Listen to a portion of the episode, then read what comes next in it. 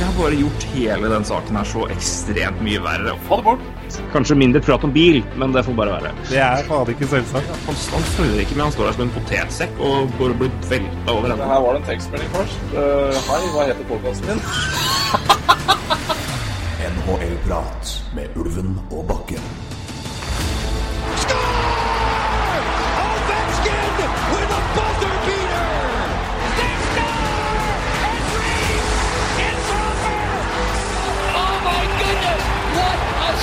That was by! I can't believe my eyes. McDavid, what a play! What a goal! Oh my! Connor McDavid, welcome back! Oh, what a save by Carey Price! Monumental! Welcome to the Crosby Show, Canada. Og til lyden fra vår nye intro, eh, så ønsker vi velkommen til en ny eh, episode podkast hva enn du kaller det, av NHL-prat med Ulven og Bakke. Eh, Og det er, eh, Vi har mye fint å prate om i dag. Mye, mye bra og mye dræva, som det jo som oftest er med NHL. Det går litt opp og ned. Eh, Det er jo sånn her, er det ikke det? Det er sånn, Røy? Jo da, jo, absolutt. Det er noen som Det er noen lag som alltid gjør det dårlig, da. Det er litt å tenke på. Det er det. Eh, Det er eh, av mange grunner til det. og Det kan kanskje vi toucher inn på noen i dag. Vi skal sikkert touche inn på mange i løpet av eh, våren, vil jeg tro. Men nei, vi har en del å gå gjennom i dag. Litt småtteri som har skjedd både si, vanlig NHL-snakk, men også litt dramatiske ting, rett og slett. Og det som har dukket opp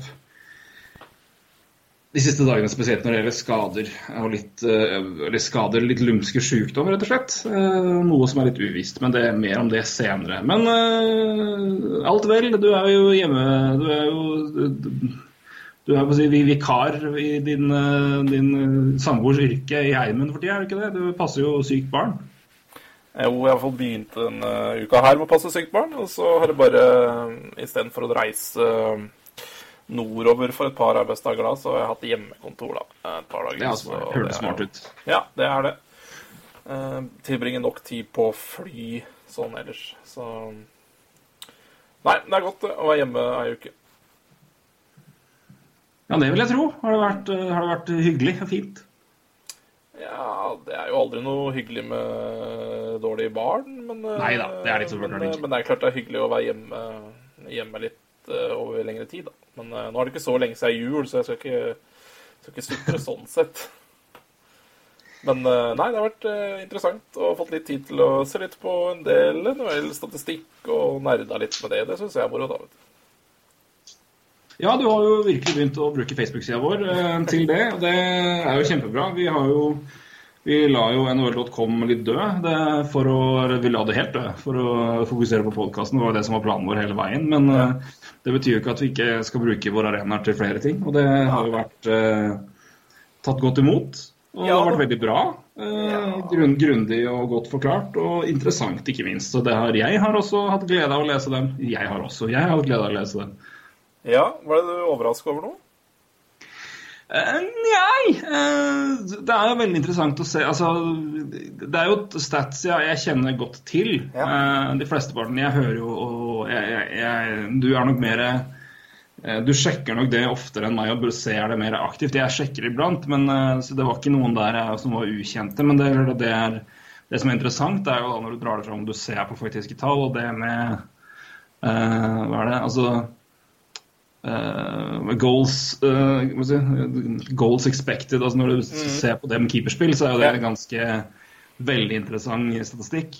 Ja. Uh, den er jo ganske så avslørende for noen keepere så langt i år. Vi har jo snakka om én, blant annet vi snakka om, om Penguins og Matt Murray. Matt Murray har jo ikke vært, hatt et godt år. Nei. Eh, det kommer veldig tydelig fram når man ser på sånt. da. Uh, I tillegg til det vanlige, vil si, redningsprosent, som er jo også en god indikator, men eh, her får du jo en tilleggsinformasjon um, ut ifra sjanser um, og hvor farlige skudd da, som eh, enten reddes eller går inn. Så um, det er nok veldig nyttig for å kanskje se mer på keeperspill, som er eh, det er vanskelig å bedømme, rett og slett, eh, for, for mange av oss. eh, Ja. Ordentlig. For det er en veldig, det er en veldig avansert eh, altså det, er en veldig, det er en helt annerledes posisjon. enn det er noe annet. Så Ja. det er jo, så klart vi, vi er jo kapable til å se om en keeper har en god kamp eller ikke, men det er liksom to- totalen å se om er det og så slipper du inn fire mål i en kamp. Er det, hvor mye av det er din skyld, hvor mye av det er ikke det? det er, altså, keeper kan i per definisjon slippe inn sju mål i en kamp og ikke kan lastes egentlig for noen av dem, men slippe inn ett mål i en annen kamp, og det er en kjempebrøler. Så Og så syns jeg man også ser, i hvert fall Hvis du sammenligner eh, altså, Ta Carolina Hurricanes da, og, og Winnipeg Jets. I fjor hadde de begge eh, ganske dårlig keeperspill og havna langt ned på tabellen. I år har jo det ene laget retta på keeperspillet sitt i Conor Hellebuck eh, for Winnipeg, og da ser man at det er et eh, topplag. Mens eh, Carolina Hurricanes fortsatt sliter med keeperspill og er eh, ja, De er jo ikke veldig, de er jo nummer eh, 23 eller hva det er i NHL, men, eh, og faktisk ganske nære wildcard, men ja, de slet er nevneverdig lenge pga. det. ja.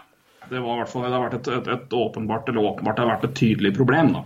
ja det er jo Cam Eh, Ward skal jo starte i natt igjen, og det, så Scott Darling har ikke vært noe eh, umiddelbar uh, suksess, da, i hvert fall. Nei, og det er jo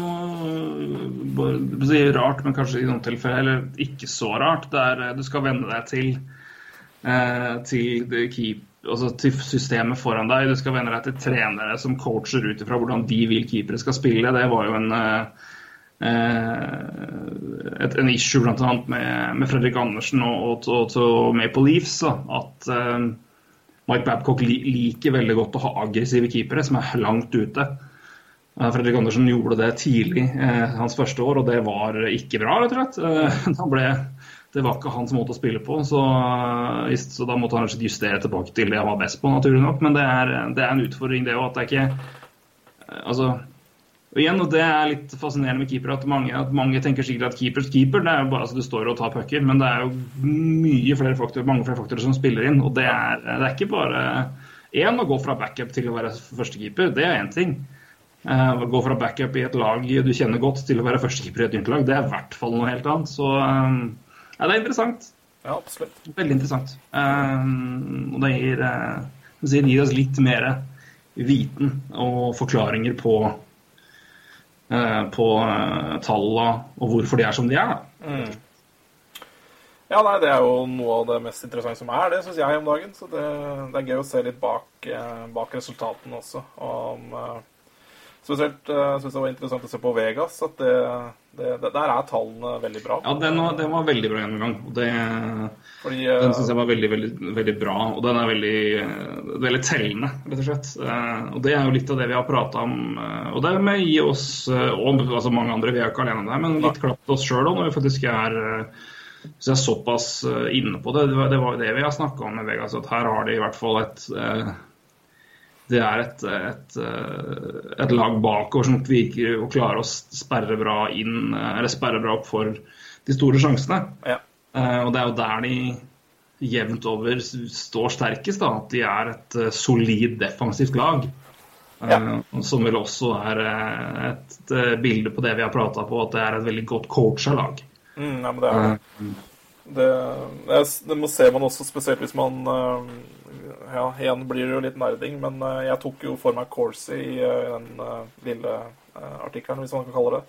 Eh, Men hvis du gikk inn på Fenwick, da, som tar bort blokkerte skudd, så er det litt annerledes. Og der ser man jo spillere som Braid McNab, f.eks. Han er jo en blokkerer av, av rang. Så, så det er jo også spillere som står veldig opp, da. Og som du sier, Brain McNab er ikke noe fantastisk offensiv back.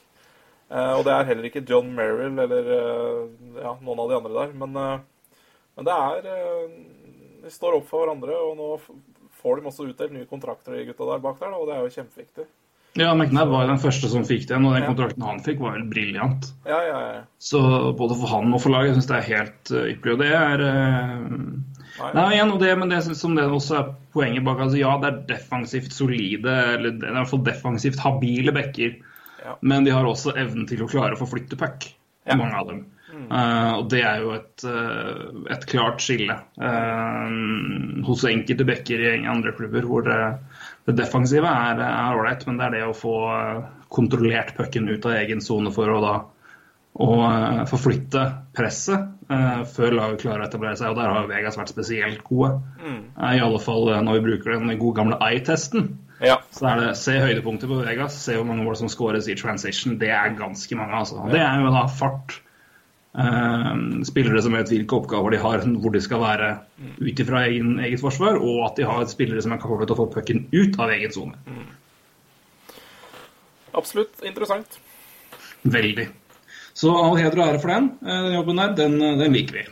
Mm, Takk for det. takk for Det Det er veldig moro, da. Det er det. Det er moro å plundre med ting.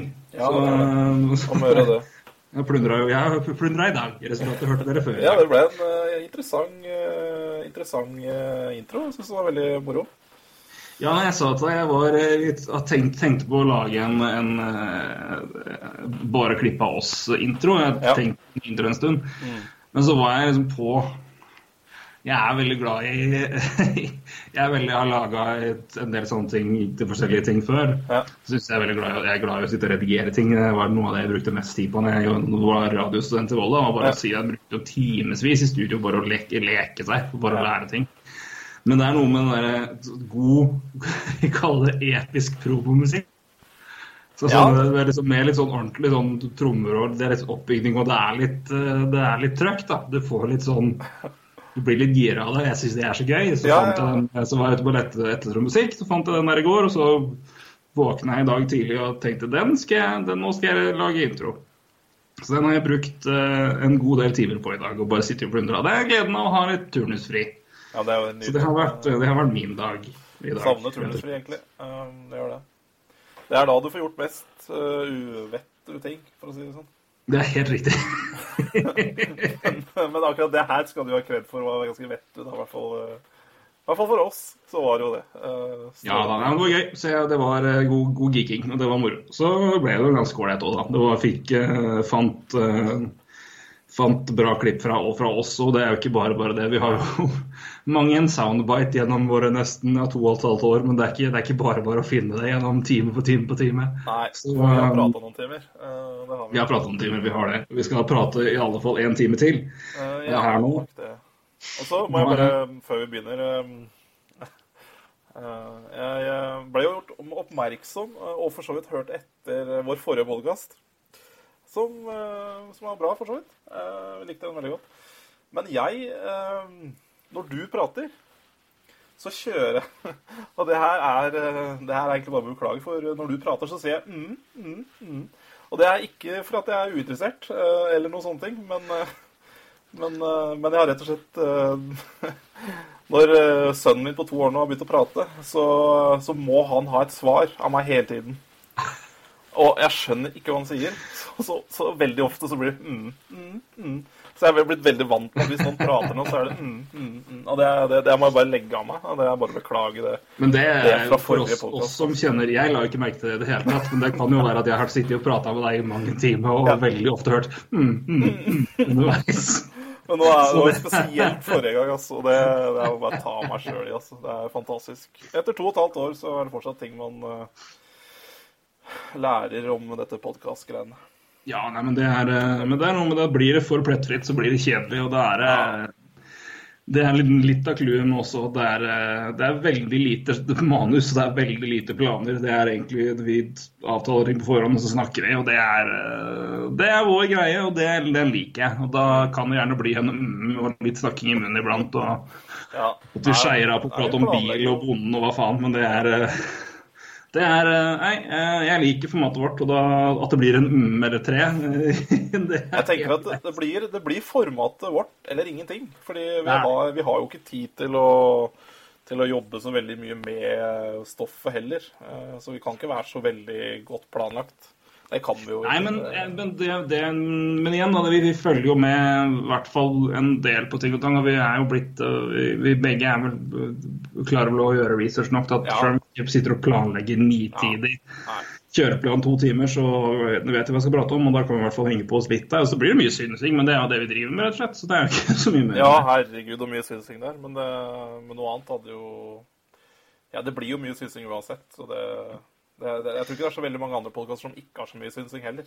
Nei da, men vi har begge blitt titulert NHL-eksperter av VG. Da kan vi synse så mye vi vil. Ja, det kan vi, men det er bare gjør da det vi kommer med. Så det, men det har jo folk skjønt nå.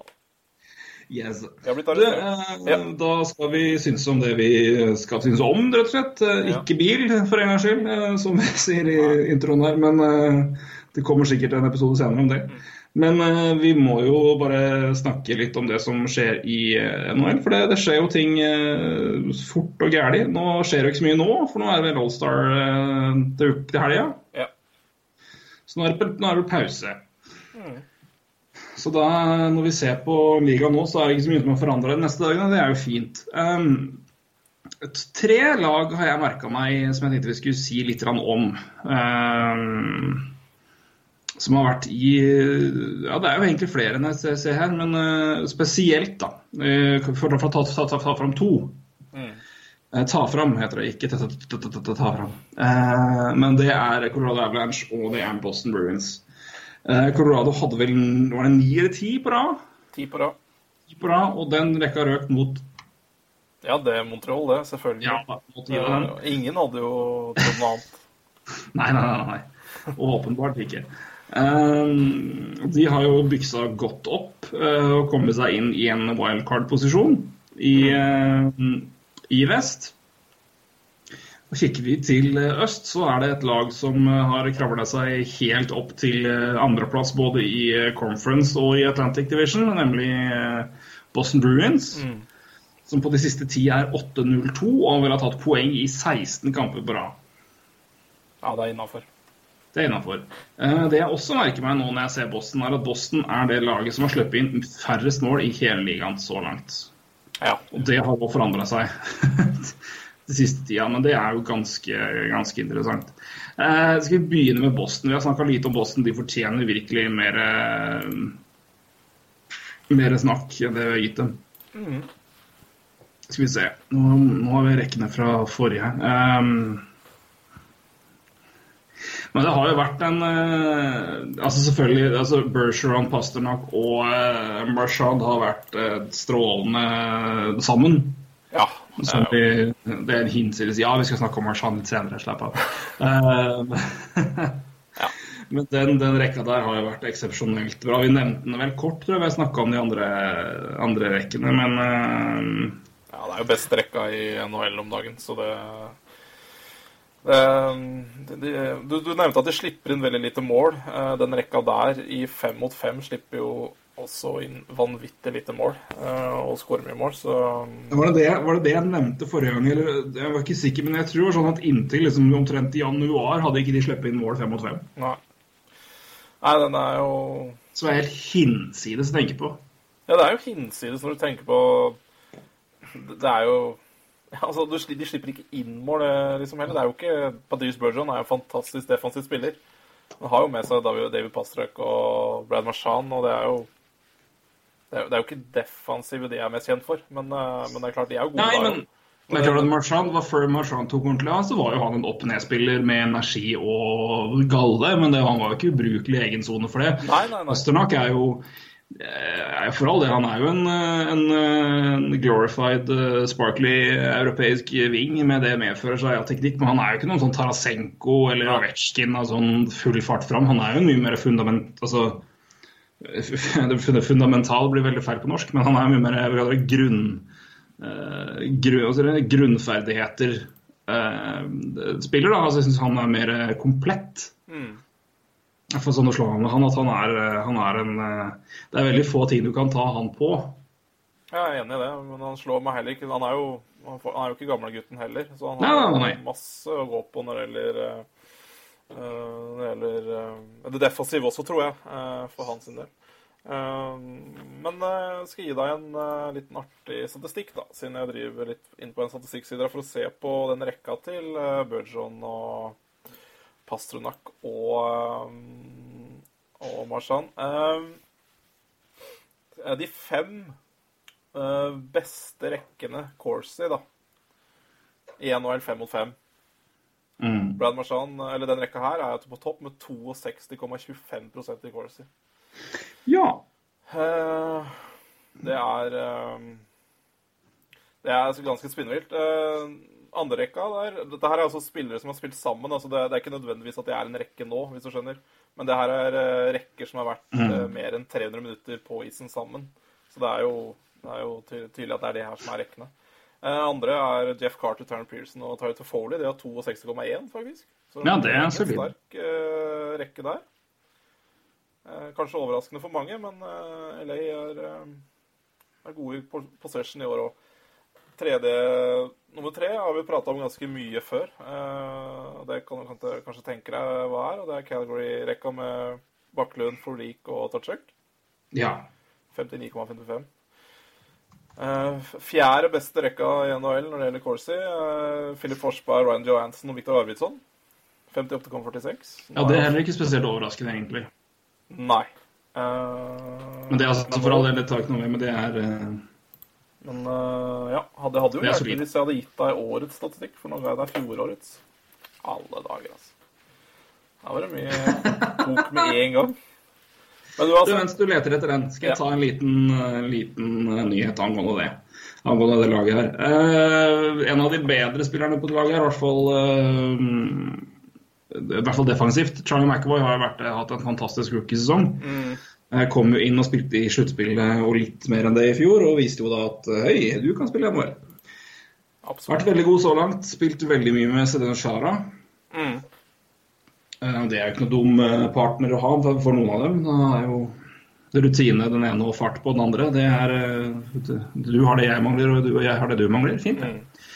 Men han er ute en liten stund, rett pga. behandling for en abnormal hjerterytme. Eh, ikke hyggelig å se, men eh, det er jo ikke mer dramatisk at han skal eh, være på sidelinja to uker. Mm.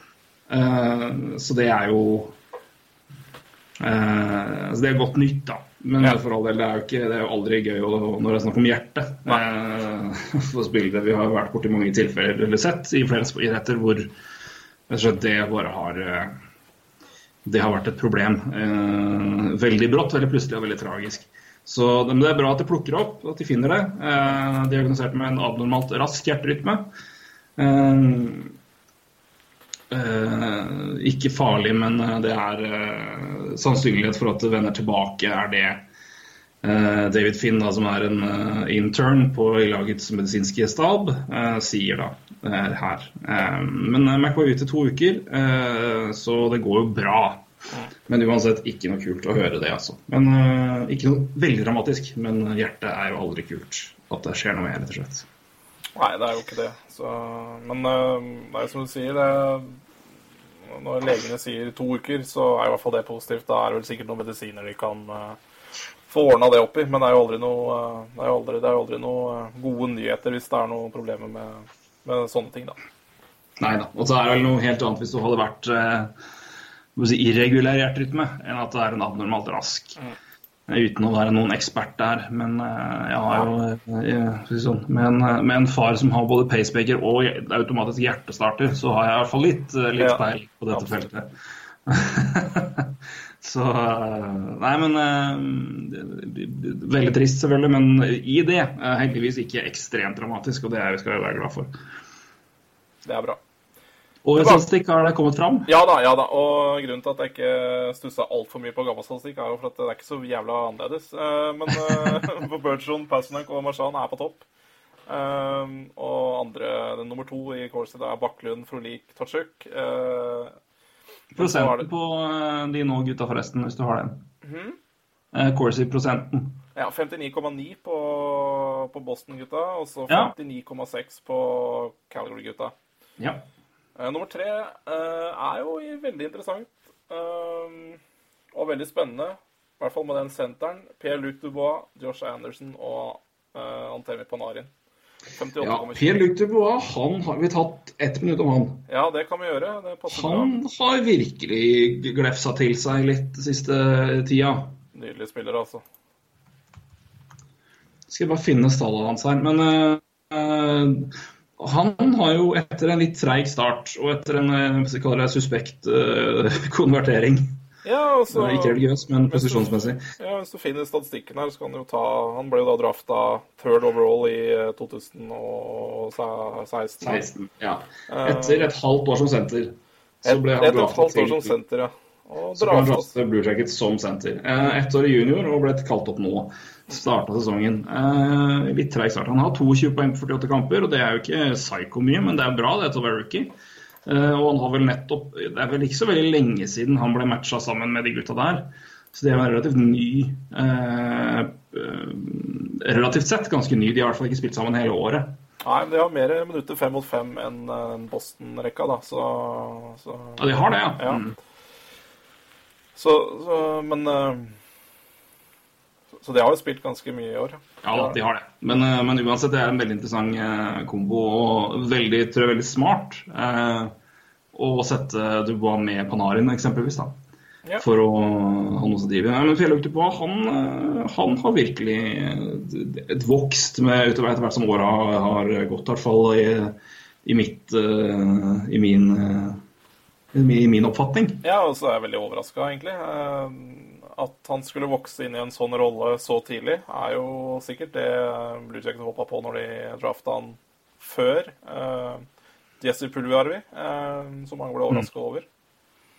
Men eh, så det her, det her Men der trenger jo, trengte Blue Jackets nå, da. Fordi eh, Vennberg er jo ikke den Vennberg fra i fjor. Og ellers er det tynt på senterplassen ellers i det laget nå. De, Spesielt nå, det kommer vi tilbake til litt etterpå, men eh, det er jo problemer med en senter der nå, rett og slett. ikke det er ganske dramatisk. Så- Men Bember har jo ikke vært eh, det samme som han var i fjor, eh, og har jo i tillegg vært skada i en lengre periode. ja, ja.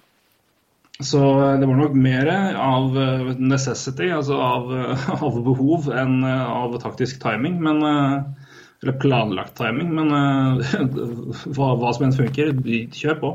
Og det her har åpenbart, uh, åpenbart funka. Og det er jo en, en scouting-rapporten her indikerer jo at det er toveisspiller som uh, play, defensive zone play is excellent. Mm, det. Eh, så det er jo langt ifra en, en, en ren offensiv mann, det her. Han er en, en, smart hockeyspiller på begge, begge sider av isen, og det, det indikerer jo også tallene der, rett og slett. At han er en, en defensivt solid spiller som også bidrar godt offensivt.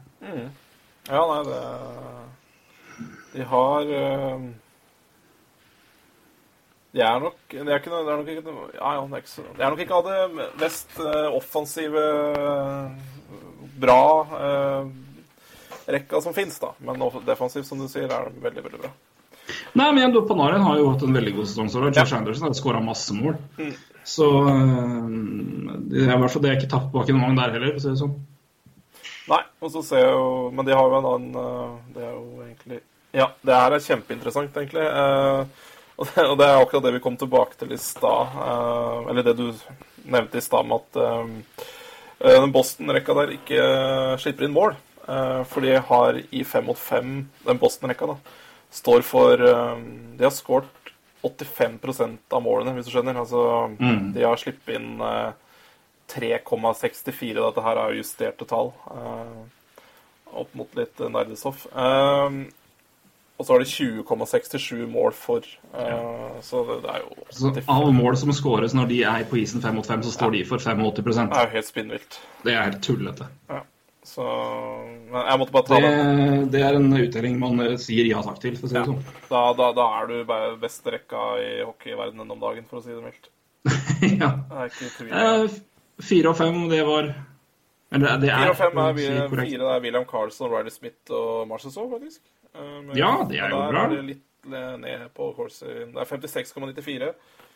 Um, veldig gøy med William Carlson. Jeg så han eh, Han har jo en vanvittig skuddprosent i år, da. Uh, Mm. Skårer jo på Var det 27 av skuddene sine. Ja.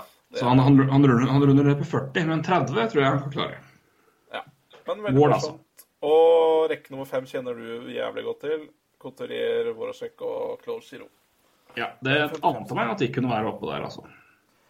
Eh, ellers så ja, Jeg trenger ikke å si så mye om det, men en eh, rekke som kanskje overrasker mange, er eh, Men vi har prata, om den før også. eh, eh, Dallas sin tredje rekke med, med Radek Faksa, Antoine Russell og Tyler Pitlick de er på 54,95% og er nummer mm. sjuende beste rekke. da. er, Det er en, men det er en rekke med bra, bra navn nå. Så jeg, er, jeg liker Antoine Rosell veldig godt. Jeg. Det, han, er en, han er en rollespiller enhvert lag ville hatt. Det, takker du nei til han, så er du dum.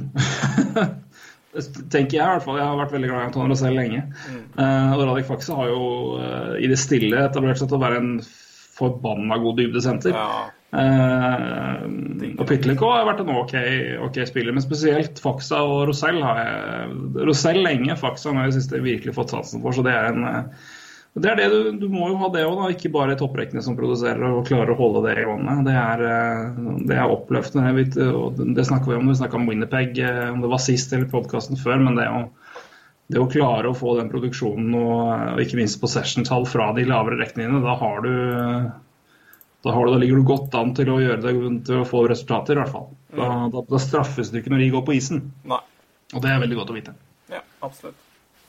Nei, det var litt uh, nerding der. Uh, så vi trenger vel ikke gå så mye inn på det mer. Men, uh, Nei, men, men men det er interessant. Veldig mye, litt mer om det, for det, Ja. eh, bakover er det det. er jo nesten mest fascinerende for min del, at de er såpass gode bakover. Men altså, der har Rask har jo vært uh, solid. Anton, Anton Hudobin var jo eminent i perioder i, tidligere i høst. eh, som backup-keeper, og hadde vel omtrent delte vel omtrent jobben med Rask en periode. og Så har Rask uh, vel stått mer nå. Hvis jeg, hvis jeg ikke husker helt feil, men det, begge keeperne har stått veldig godt. Og det er ganske fascinerende når vi ser på forsvaret til Boston, for det er jo egentlig ikke så altså det er Men igjen, det er jo spillere som har vært eh, Altså, jeg har vært Brennan Carlo har jo også klart seg særs bra også andre året. Shara er jo godt oppi åra, men eh, fremdeles altså, Hvis du klarer å isolere eller å, å si, ikke gjøre så han ble avslørt fart, så er jo han fortsatt en fantastisk forspiller. Torrey Krug vet jo å være god for når han er i form. Eh, så er det McCoy, det kan være ålreit, men at det, den gutten er såpass uh,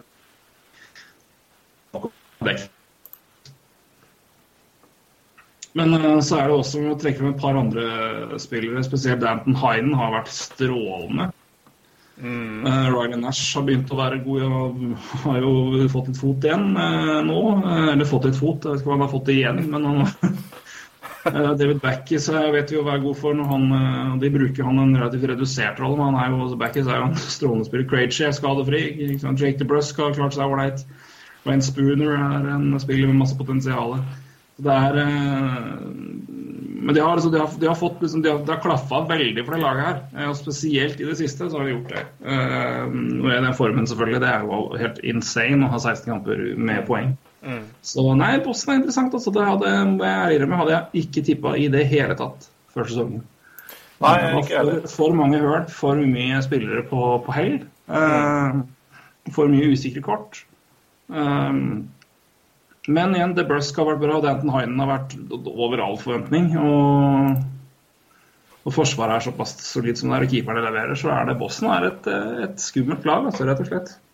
Ja, det, det, har- det har i hvert fall utvikla seg til det i år, så det, det er ikke noe å skal ikke ta, ta fra de noe av, den, eh, av de 6, 46 kampene de har spilt så langt. Det har jo vært, uh, vært solide greier, spesielt siste, siste perioden. Eh, Men jeg, jeg er veldig imponert over at ja, du sa det, slippe inn minst mål i NHL. Og jeg syns jo det forsvaret, når du ramser opp, så er det er det jo ikke så bra, egentlig. Jeg tenker Nei, det er ikke det. Altså, men Ja. eh, Det har vi jo snakka om Pittsburgh før òg, hvor dårlige backer de har. Eh, Ja ja, men det her er jo Ja, helt annet Pittsburgh. ja. Men de vinner, de vinner mesterskap for det. Eh, Så Nei, det, det har vi treffet bra med. Ja, igjen så er det vel et bra også coacha lag her, tror jeg. Eh, I hvert fall defensivt. Men, men vi har jo snakka om også Brann Carlo. Eh, har vi jo snakka om før. Det er spiller på vei opp. Tory Torrey Krug vet jo han, han har jo egentlig ikke vært på sitt beste i år. Eh, men han kommer jo alltid på slutten av sesongen, han. Så mm, han kan vi jo bare forvente mer av.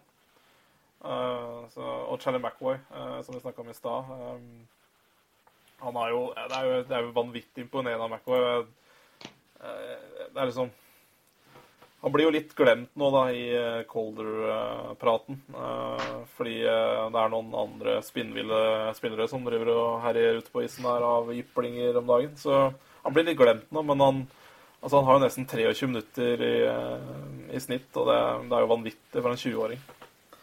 Eh, Det er, det er sånn, det er sånn Aaron Eckblad-tall fra sin rookie-sesong eventuelt. Jeg vet ikke hvordan den var, men det var sikkert noe lignende. Du sa hvem ble det sammenligna med nå? Du hakker Eh, litt. Eckblad. Ja. Jeg håper han lider en litt bedre skjebne, både med hjernerystelser og stabilitet, men det Ja, det begynner jo dårlig med hjertetrøbbel, men det, det er vel eh, eh, Stakkars jævel. Ja. Nei, men Boston har vært eh, fantastiske så langt den siste tida. Det er ikke noe, det, det syns på både tabell og poeng, ikke minst. De har uh, klatra noe inn i helvete. Eh, og det har også Colorado gjort. Vi snakka mye om Nathan McKinnon sist. Han, men han får jo skal jo ha betydelige mengder av æren for det. og Ja. eh, Jeg står på det, og jeg syns det har vært gøy å følge Vi var uh, Det går mulig det var andre som var før oss på det, men det, er, det er ikke noe unik tanke. Men jeg, etter, etter vi prata om det, så har jeg sett flere, ganske mange, eh, forskjellige eh, nyhetskilder eller podkaster som har snakka om det, og hvor Nathan McKinnon eh, trekkes fram omtrent over fjøla, og det er jo vel fortjent.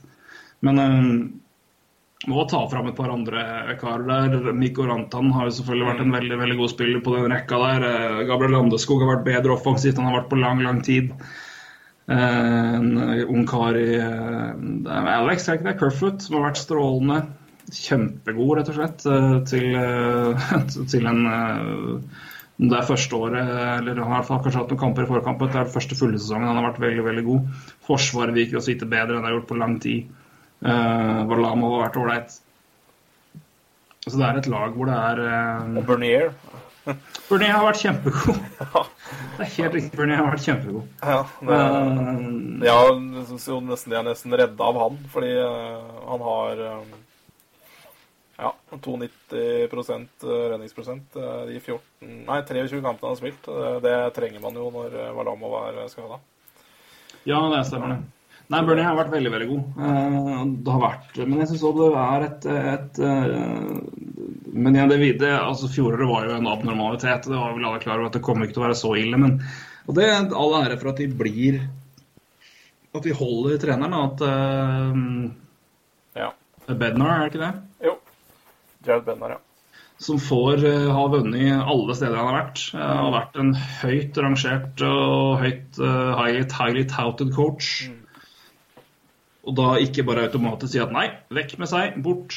Uh, gi han tid, uh, og se hva som skjer år to. Og det har jo gitt, uh, gitt sin effekt. Og jeg tror det også har vært en eh, faktisk til lagets beste å, å trade vekk Matt Duchene.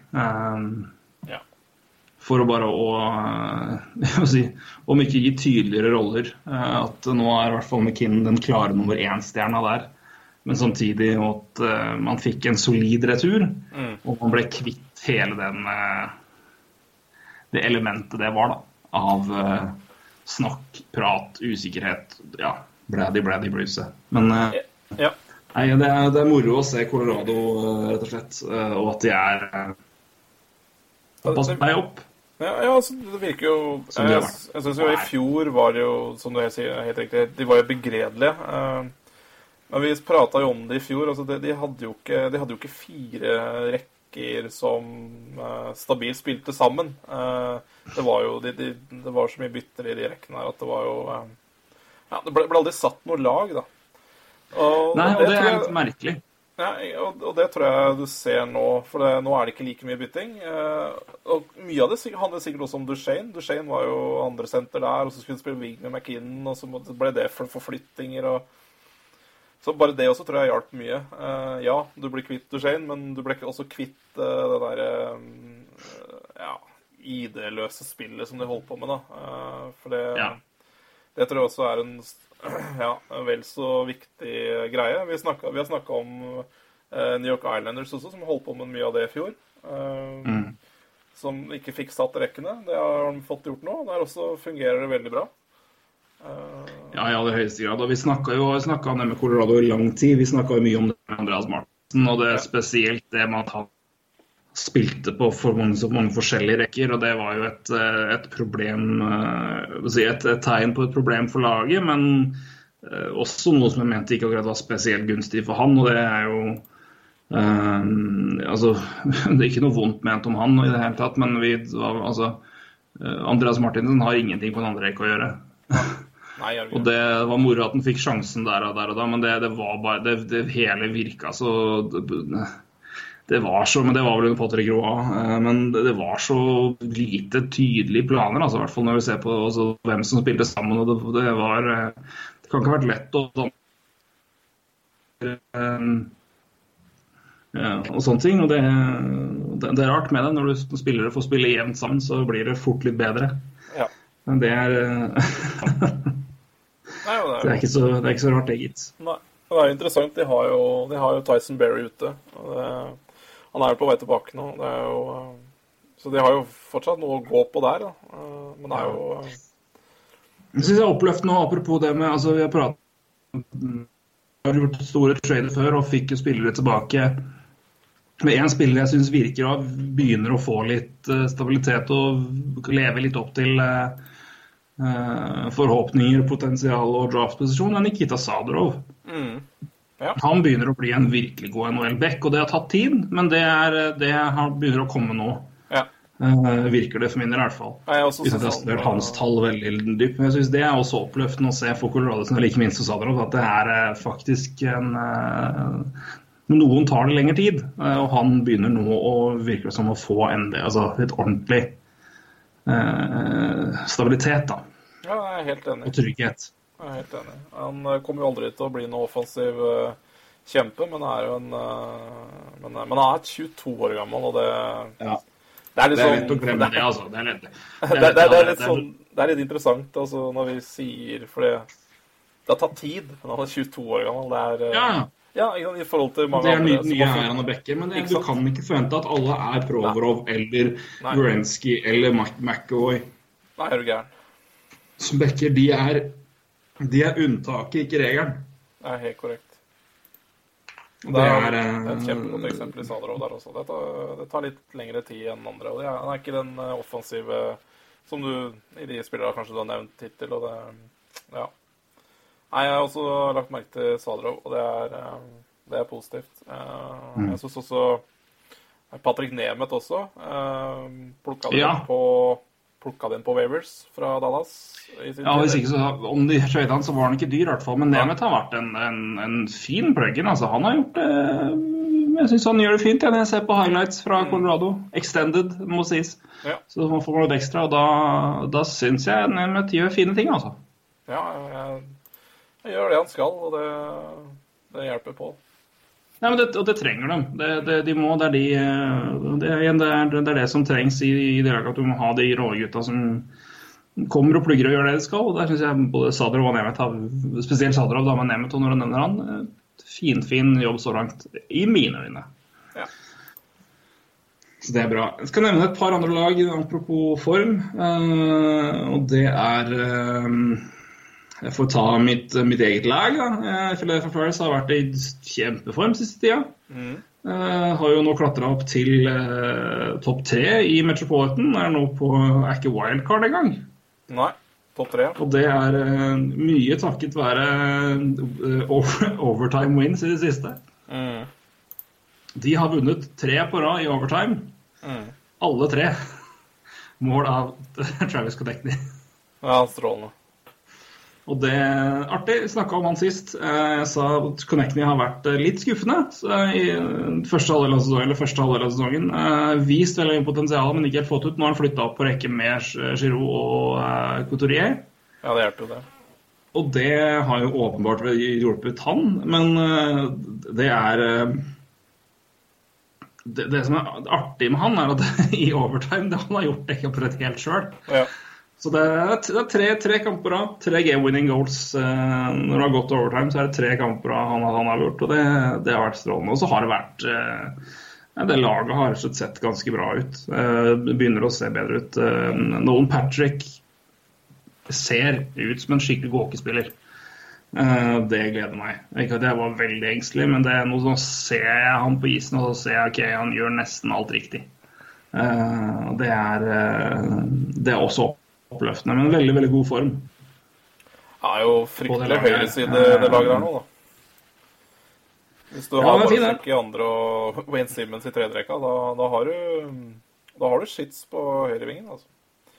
Du har det, men det er, eh, men det er jo det å få Når man bruker sånn du bruker nå, så må du nesten fordele det på tre rekker. Og det er jo Da er det ja, Hvordan er det nå? Du har uh, Giroud, Couturier, uh, Konechny, Filippo Laraffel og Voracek. Og Wheel, Patrick og Simmons. Uh, det er eh, helt topp for min del. Og så er det nå uh, Scott Lawton, eh, Tyler Goldborn, og så er det, har Joro Litera fått plass på fjerde rekka. Og eh, en unsung hero, får jeg si, i draget her. Og det synes er litt opp, oppløftende. Er en interessant interessant, morsom historie bare hvordan NHL-spillere på en måte redefinerer sine karrierer eller sine roller for å fortsette å spille. Scott Lawton var jo Når var det han ble tatt? da? Var det 20. valg i 2011 eller 2012? Uh, var da en eh, defensivt solid senter, men slet liksom med å komme ordentlig inn 2012. i uh, 2012. Uh, 2020 overall. Ja, men uh, Spilte en del NHL, men det, var, det satt liksom ikke helt. I hele fjor spilte han AHL. Mm. Det de gjorde i AHL, var å jobbe han inn som en defensiv senter. Han ble penalty kill-spesialist. De jobba han inn der, og det gjorde de innstendig hardt. Og når Flyers skulle beskytte sine spillere til expansion-draften, så var Scott Lawton beskytta. Mm. Nokså overraskende for ganske mange. Uh, han er nå en uh, prima defensiv senter for det laget her. og det, Den fjerde rekka i produksjonen Scott Lawton er en utrolig god spiller til det han skal være god på i den rollen han har nå. Den dro ned til AHL, brukte et år. Terpa inn det han skulle i den rollen laget ville ha han i, og det gjør han nå. Og Det er jævlig moro å se. Og det er interessant eh, bare hvordan enkeltspillere, og hvordan lag òg jobber med enkeltspillere inn i de rollene med de vil ha dem i. Og det har vært en, en vellykka ting. Og Forsvaret begynner å sitte litt bedre. Ja. Det hjelper jo også. Eh, Provorov er jo strålende. Robert Hegg har blitt en veldig god back. Um, så kommer det til å komme mer. Og igjen, jeg syns keeperen, jeg synes Brian Elliot har vært mer enn god nok. Mm. Noivert også. Bra nå siste, så jeg. Nå har vært bra etter han kom tilbake, så har det vært veldig fint. Så nei, men jeg, jeg, jeg liker, liker det jeg ser, og det, er, eh, det, det syns jo på formen. Også ta med Calgary Flames, som har vært i kjempegod form. Mm. 7-0-3 på de siste kampene, og også Pittsburgh 7-3-0. Har eh, i det stille, får man nesten si, eh, vært i veldig god form. Men Pittsburgh har vært i veldig, veldig fin form, eh, og det er oppløftende for dem. Det begynner å bli litt, litt mer seier nå enn taper. Det har vært perioder hvor det var eh, ganske skralt, altså, rett og slett. Eh, Så vi får se om det er eh, Crosby er jo tilbake, da. Så da eller som den gamle Crosby, eh, som den vi kjenner den best. Så Ja da, han har vel en fin point streak nå. Det, det, det, må, det må til. Det. er bra, og det er eh, Nei, det ser, ser bedre ut for Pittsburgh nå, så det gjør det. Um, det var litt, eh, litt synd, egentlig, at jeg ikke jeg, i min, Nå må jeg gå tilbake til statistikken. Jeg har ikke statistikk foran meg nå, men jeg kan prate litt om det likevel. Uh, for jeg Det var et par uker siden så hadde jeg egentlig litt lyst til å se på Fordi den, den eh, Metropolitan er så jævlig tett. Mm. For å se liksom hvilke lag som uh, uh, Som, som ja, vil gå på en smell, da. Eller antageligvis gå på en smell, og hvilke lag som kanskje kan være på vei opp. Philadelphia var, er et lag med talla på stell, da. Uh, Så de, jeg er ikke overraska over de, egentlig. Uh, Washington uh, Vi kan ta egentlig Metropolitan, da, for jeg husker jo sånn cirka talla. Washington var har en god del skumle tall, men de har jo så mye poeng, og så det, det, er ikke, det, er ikke, det er ikke noe å tenke på, liksom. Men, men at, det kan, at det kan bli litt tyngre de neste Ja, nå har de 34 kamper igjen, har de ikke det, i, i ja, serien? Korrekt. Uh, ja. New Jersey eh, hadde nok litt uh, sketsjige tall. Uh, så de kan være litt på vei tilbake. Columbus og Pittsburgh uh, var eh, Altså, Pittsburgh sin eh, shooting prosent er jo latterlig lav.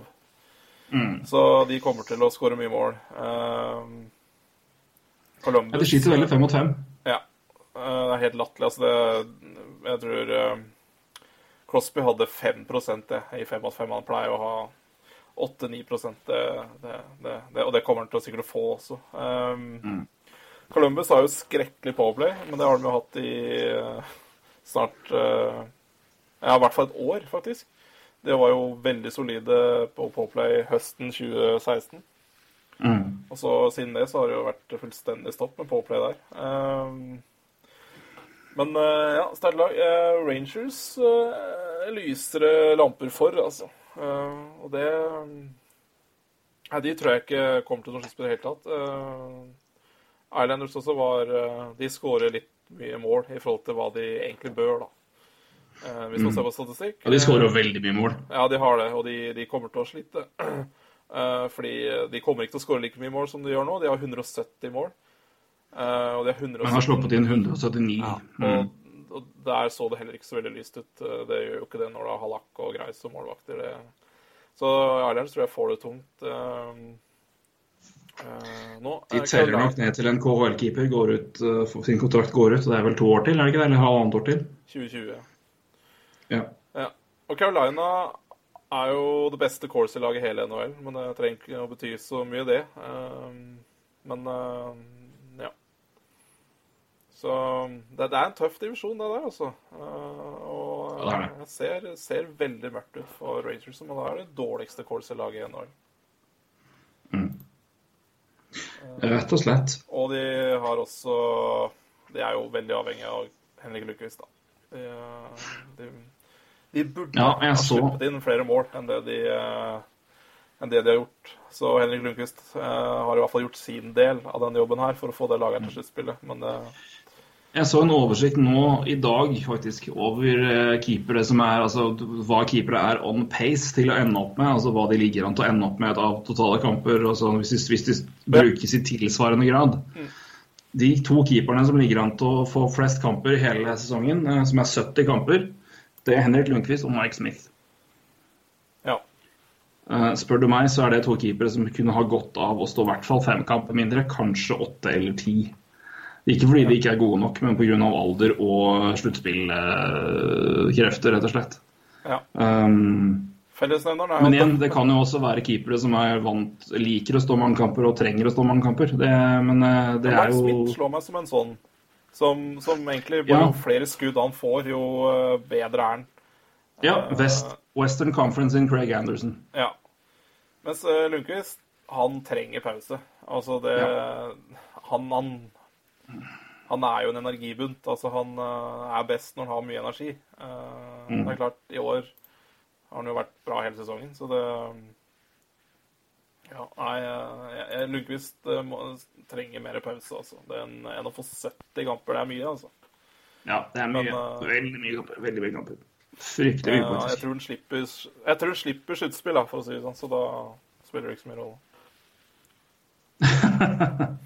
Nei, jeg har et veddemål gående med en Rangers-fan eh, fra Kongsberg om eh, hvilket lag som havner øverst av Islanders og Rangers.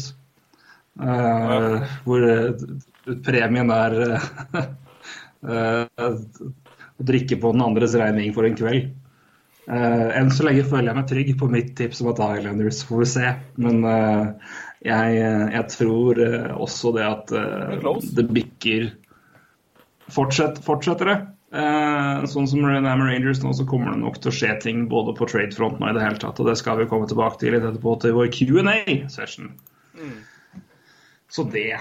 Um, ja. eh, det er litt, nå har vi snakka litt om, eh, om ståa i ligaen. Jeg tenkte vi må jo rapportere om litt ting som har skjedd. Jeg så, apropos Rangers, de plukka jo opp Cody McLeod på Wavers Ja. nå i dag. Her skal det, Det, er jo Ja, det blir iallfall flere utvisninger, da. Det får det jo trøste seg med. Nei, men de eh, Hva skal jeg si? eh, Rolle, rollespillere, da. Det, jeg ser jo sånn som de har nå, så er det jo Vinni Lettieri er jo fjerderekke ving. eh, Så det er vel kanskje Chris Kreider er vel ikke kommer jo ikke tilbake i år, sikkert. Så da Nei, han er da ute. Det er jo et veldig stort tap, rett og da, slett. det er jo sikkert greit da å få inn en, eh, en ving der som kan eh, Ja. Jeg vet ikke hva han kan gjøre, egentlig. Han kan jo egentlig ikke gjøre en dritt, men han er i hvert fall, han er i hvert fall der eh, som en NHL-spiller. Eh, jeg har ikke sett Vinni Letieri, men, eh, men det slår meg som en spiller som kanskje trenger mer tid i AHL. Han er jo, jeg ser han er 22 år gammel, eh, men han har jo faktisk gjort det brukbart i år. Fire på ti kamper for Rangers, men eh, det er nok greit å ha litt spillere i bakhånd der, da. Men eh, det jeg skulle snakke om, det er to spillere som har vært eh, det er litt usikkerhet rundt. Eh, Den ene ser nok litt bedre ut for nå enn det, det så ut for en ukes tid siden omtrent. Eh, Corey Crawford eh, var eh, rett og slett frykta ute hele sesongen eh, pga. Uh, symt, altså vertigo-symptomer, vertigo-symptomer. Hva heter det på norsk? Er det, er det vertigo? Jeg tror det. Uh, som ikke bare er en strålende film. Eh, selvfølgelig med navnet fra sykdommen, men det er vel en Hvordan skal vi forklare det? da? Det er vel svimmel det er vel svi, altså, svimmelhetssykdom. Ja. altså svimmelsykdom er i hvert fall svimmelhet og problemer med balansenerve, er det ikke det? Jo, det er korrekt. Ja. Det funker dårlig når du er keeper. Ja, Eh, det funker uh, dårlig, Si, egentlig. funker dårlig i det hele tatt, spesielt når du er keeper. Ja. Uh, men se, det, det var eh, Det var liksom nyheten ut fra uh, Chicago for en uke siden omtrent. Nå er det litt mer positivt. Ja. Er tilbake på trening og kan være tilbake på isen snart. Det vil jo være rett og slett ganske avgjørende for, ja. For, eh, for Blackhawks. Uh, Sjøl om eh, hva heter han, Jeff Glass har vært ålreit i to kamper. Men Ja. eh, to kamper er to kamper. ja. Nei, det er tynt, uh, tynt der uten Crawford, altså. Det er det. Det er det. det er, selv om Forsvaret har vært bra som backup. Men eh, nei, det, det er oppløftende å se at det i hvert fall ser bra ut nå. At det ser bedre ut enn frykta. Det er uh, eh, At han i hvert fall er på vei til trening. Det, hva han eh, skal spille, det kan være litt mer eh, usikkert. Men det er mulig at han er med på neste roadtrip etter All-Star-break, i hvert fall. Ja, All-Star-pausa. Og det er jo oppløftende. Det som er litt mer uh, iffy, derimot eh, Brandon Dubinsky har eh, tatt eh, personal eh, er på personal leave, holdt på å si. Han har eh, eh, Hva det gjelder, er ikke rapportert ordentlig. eh, for det er såpass ferskt. Men eh, for å si her eh, Blue Jackets Brand Dubinsky reportedly leaves team to deal with personal issues. Dubinsky is said to be dealing with ongoing personal issues that could threaten his career. Um, det er fra CBS Sports uh, i går. Han har blitt sendt hjem uh, av laget for å uh, få kontroll på eller hva, To deal with personal issues. Altså um, Og hva det er, det er jo ren spekulasjon. Uh, det kan være uh, personlige problemer uh, av forskjellig grad. Det kan være ja, det, det, det kan alt, alt altså, hva det er. Det er ikke vits å spekulere engang. Nei, det er ikke, ikke Men det er ganske, men det er ganske dramatiske beskrivelser, da. Ja, altså, men, men det er jo veldig forskjellige rapporter. da. Det, den ene rapporten som nesten ble omtrent omtalt som offisiell, var jo det at uh, personal eh, issue og karrieretruende Altså, OK, det, det, det er personlig problem, og det er karrieretruende.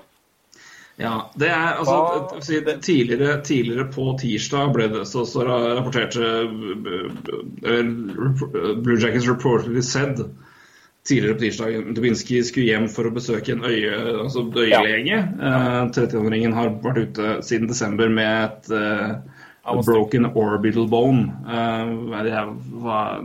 Uff, Kinnbein er det, helt riktig. Takk. Uh, det er i hvert fall i ansiktet. Men eh,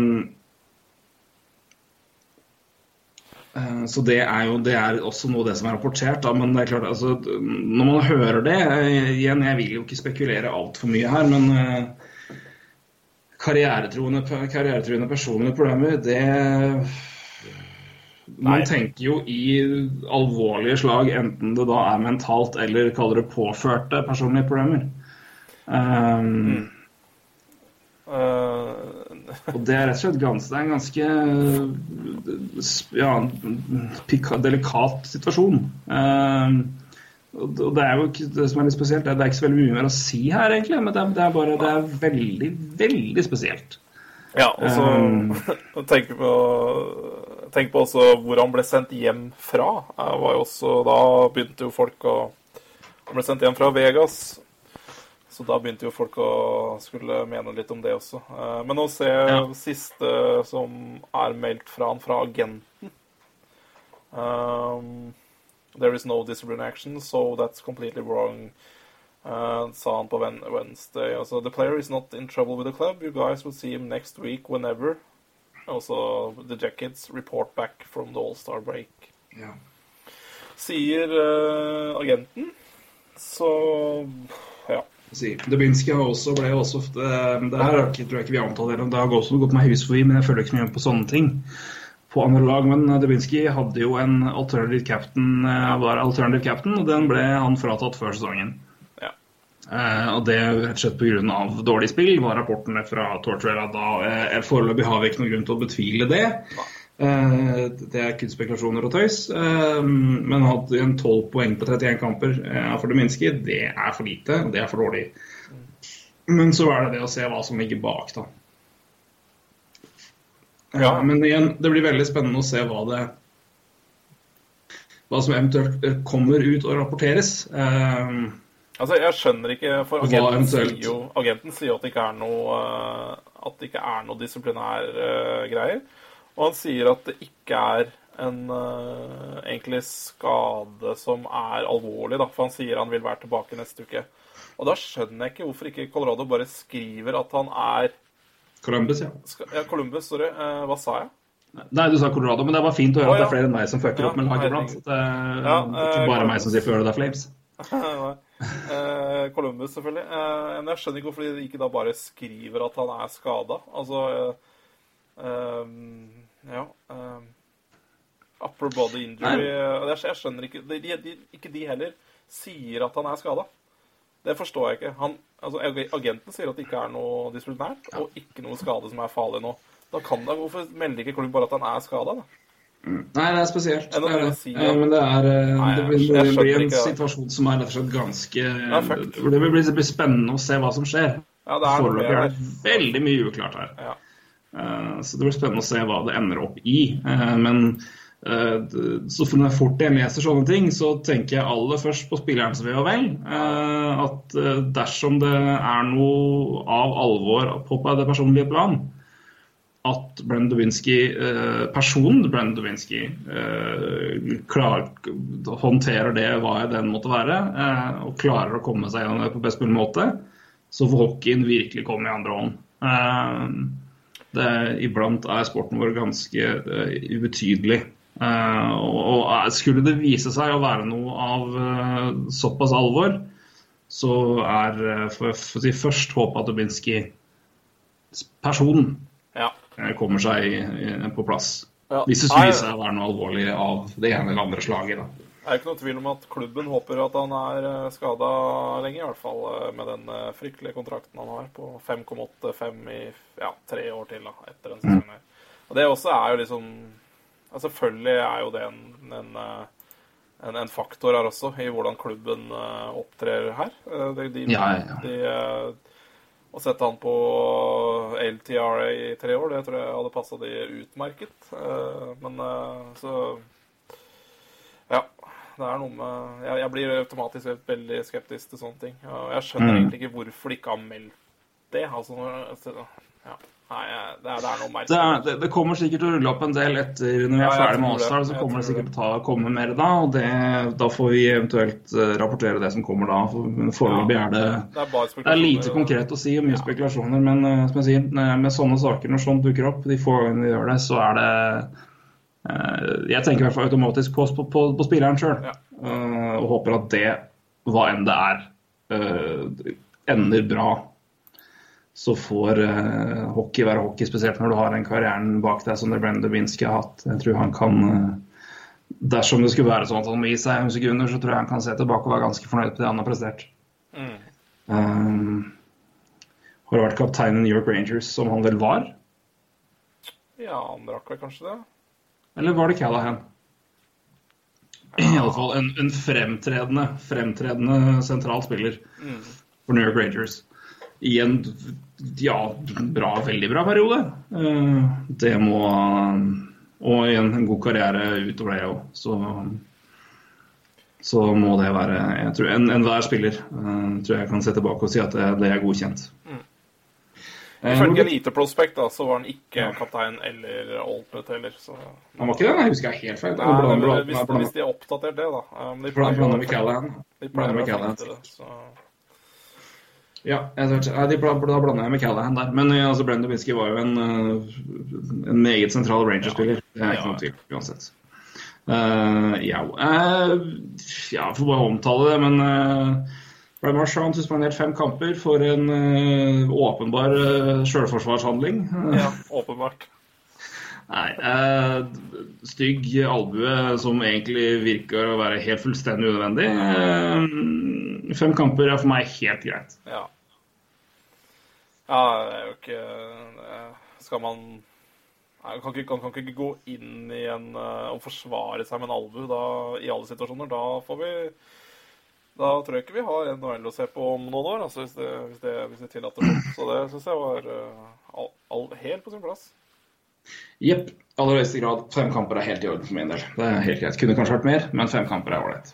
Ja, jeg syns fem er greit. Eh, Jeg Yes. frykta mye mindre, så det Ja, ja. Men eh, skal vi se. Da har vi én ting til før vi skal gå på Q&A. mm. Som jeg syns vi må snakke om, for det har vi ikke snakka om i det hele tatt. Og det er Edmundton Oilers og Pantikill, for det er faen meg et, helt, et, et, et under. Eh, Edmonton Oilers er jo i grufull form eh, i hele år. Det er jo omtrent tredje sist, i, eh, om ikke ligaen, fall i vest. Eh, skal vi se. Ja, de er det i hvert fall i vest. Det er de tredje sist. Eh, og vi har snakka litt om ja, keeperspill er ikke som det var. Uh, sitter ikke helt med laget. Men uh, en, en sak som har fått ganske mye oppmerksomhet Vi er litt, litt seint til ballet her, men uansett verdt å, å omtale. Det er kanskje ikke, det er nok en del av dere som ikke er like tett på så mange nyhetskilder som det jeg og Roy følger daglig, og det skjønner jeg jo. Dere har nok litt, i hvert fall enn meg, mer travlere hverdag enn meg. Singelmann i Kongsberg. Jeg har tid til veldig mye. ja, ja, ja. Men uh, jeg skal uh, rapportere følgende. Edmund Oilers er uh, ligaens beste penalty kill-lag på borteis. Ja, da tør jeg ikke tenke på hvordan det er bort... Hva sa du nå? Borte? Borte er de ligaens beste lag i penaltykill. Hjemme da har de de da 86 Jeg kommer dit. Ja. Bare hør nå.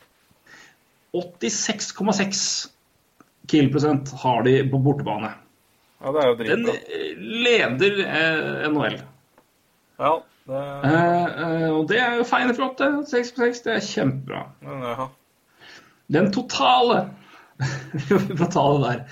Eh, Den totale eh, penalty kill, altså hjemme og borte, Ja. vil du tippe hva den ligger på? Den er ligaens verste.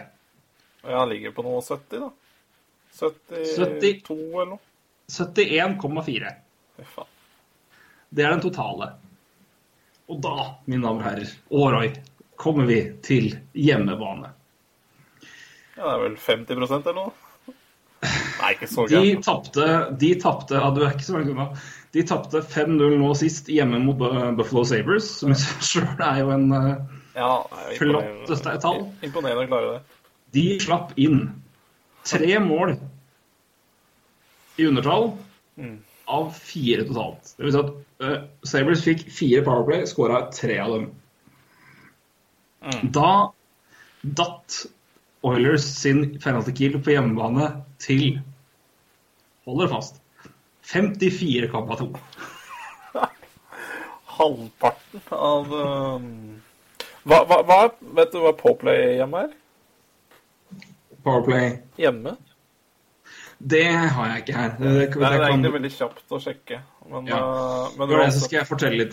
Jeg så en, eh, en YouTube-video, en YouTube-klipp av fra Sportsnet i dag om dette. eh, Fra, fra Oilers har jo da den beste bortepresenten. Som sagt, 86,6. Eh, Det verste laget, der var det et gap på litt over 18 Altså fra det dårligste laget til Edmund Norris, altså i prosent, var det litt over 18. Det er fra topp til bunnen. Fra Oilers til det nest dårligste laget på hjemmeis penalty kill er det rundt litt over 16 Mm. Det er altså nesten like stort gap fra det beste, fra, det, fra topp til bunn på bortebane hvor Oilers er best, til sist og nest sist på hjemmebane hvor Oilers er sist. Kan legge til The NHL record for a single season home futility on the PK is the 77-78 Capitals.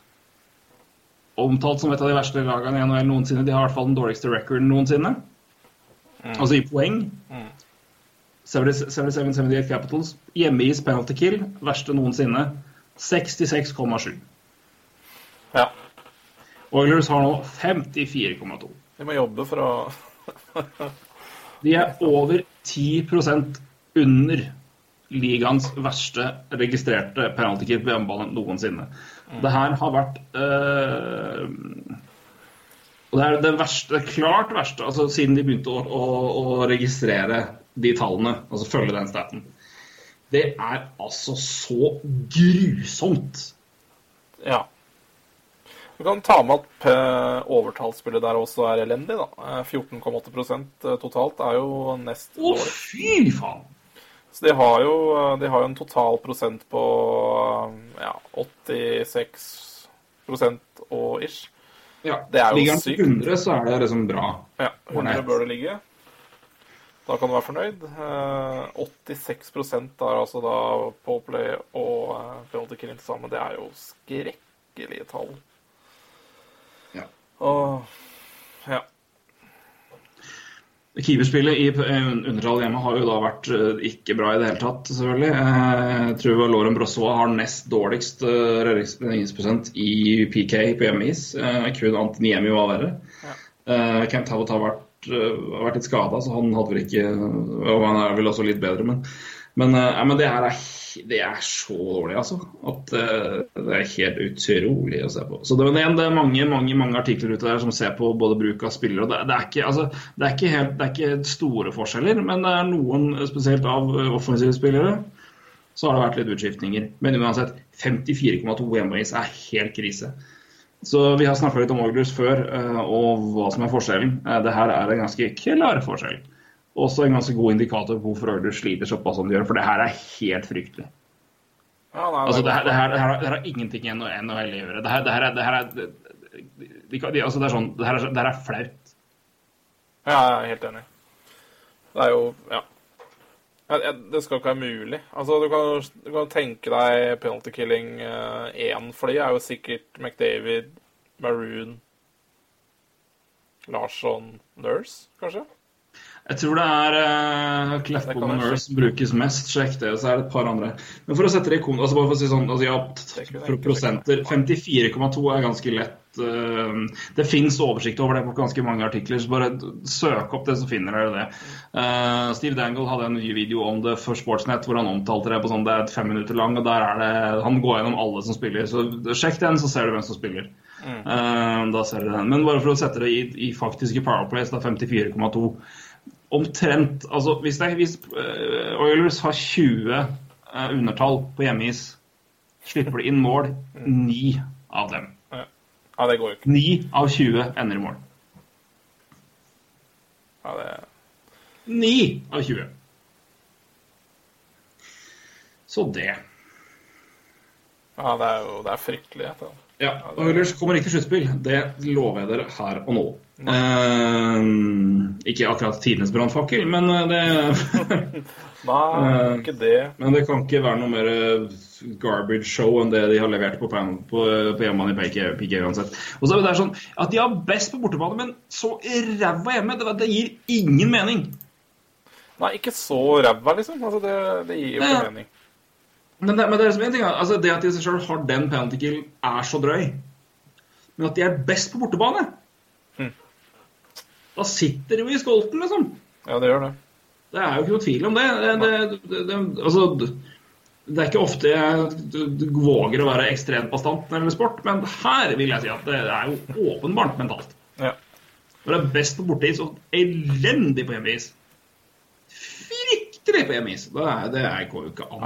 Nei, det er, det er, er, det, det, Nei, det Det er- det er- det- det er jo eneste trøsten. Ja, det det er, er eh, den litt mer, litt mer sære eh, varianten av Colorado i fjor er nå Oilers på Parentikil på hjemmebane. Ja, det er merkelig. Det er eh, grusomt. Men det må jo rette seg, det. da. Når de er såpass gode Ja, ja, borte, ja. så er det jo Det er helt merkelig å se på. Ha for meg. Du, litt Q&A kan vi ta til slutt her. Mm, Ja, det kan vi jo gjøre. Jeg Det var ganske mange, egentlig. Ja, det var veldig mye. Jeg tror ikke vi skal snakke om noe OL-uttak, for det, det kommer til å ta hele kvelden. Jeg tror vi kan spare det til senere. Eh, Ja. Der har jeg litt eh, lyst. Ja, det sparer vi til senere. Jeg har en idé der òg, skjønner du. Ja, jeg vil spare det til Eh, ja, Rangers er jo interessant. Uh, hvor ender Nash og Grabner? Ja, Nash har holdt Grabner traderen. Uh, ja, jeg tror Grabner trader er lett. Jeg tror Nash også er grei å kvitte seg med. Han har jo begynt å skåre litt også. Uh, ja. Han vil alltid være noen som uh, har lyst på Men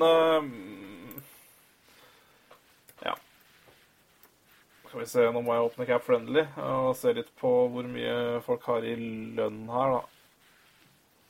Um, Nash har sju et eller annet, var han ikke det? Sju og et halvt tror jeg han har. Eh, Så kan du ta dele den i to, i hvert fall til uh... Ja, men hvis man tar current capspace på Cap så blir det egentlig den capspacen han har. Ja, ikke sant. Ja, Så- så, så, det sånn Men, uh, eh, så vil jeg også eh, tro at da spiser Rangers ganske mye av den lønna også utover. Ja, det du har kan det gjøre. Ja. Eh, Så Ja, nei, det er jo ikke noe Han kom Ja, nei, det er jo Han kan vel egentlig gå for veldig mange lag, da. Det er jo Det spiller ingen rolle, egentlig. Eh, det- Den lønna hans er ikke så farlig. Eh, Den blir vesentlig lavere når Rangers spiser, og, og laget har jo mer capspace enn det det ser ut til, da. Um, men Grabner, interessant, er jo Hvor, det er jo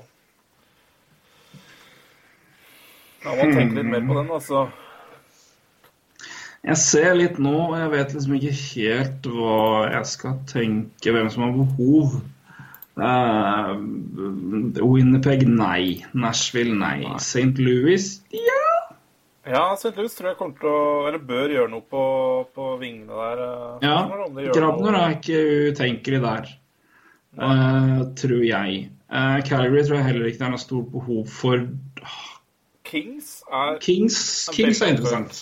Uh, Kings er veldig aktuelt. Jeg tror uh, Nashville, for så vidt. Ja, Hvis du vil legge ned på tredje Ja, jo, tredjerekkevariant, ja. Ja.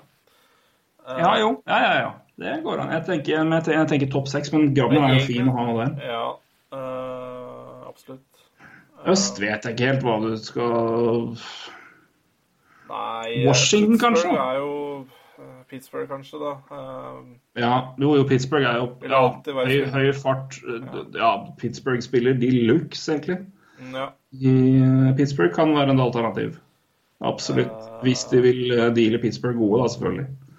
Eh, Det er jo også et spørsmål. Men eh, det her er jo utsesongen, så det har ikke så mye å si for deres del. sånn sett.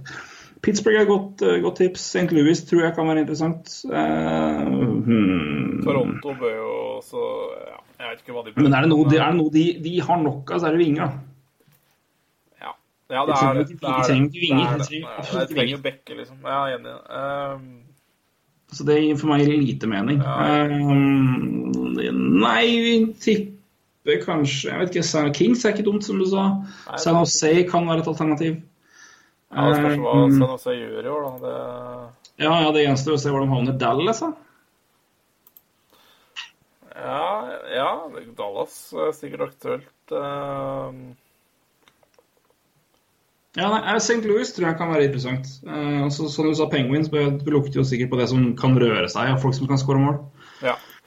Altså, jeg tror, Så- egentlig, jeg tror egentlig alle de laga vi nevner nå, også for så vidt eh, kan eh, altså, sikkert kan være Kan sikkert kikke litt på Nash også. Det er jo, det går jo, det er jo vinger, så det, det er to vidt forskjellige spillere, men eh, allikevel. Det, de lagene vi snakker om her, spesielt Kings, da, de er, der er det jo tynt åkke som om du prater om en defensiv uh, wing eller en offensiv wing, eller hva det er. Så det Så Ja, nei Jeg tror det, de laga der er mest aktuelle. Jeg tror, jeg tror Kings og Blues kommer til å gjøre noe på, på wingfronten, i hvert fall.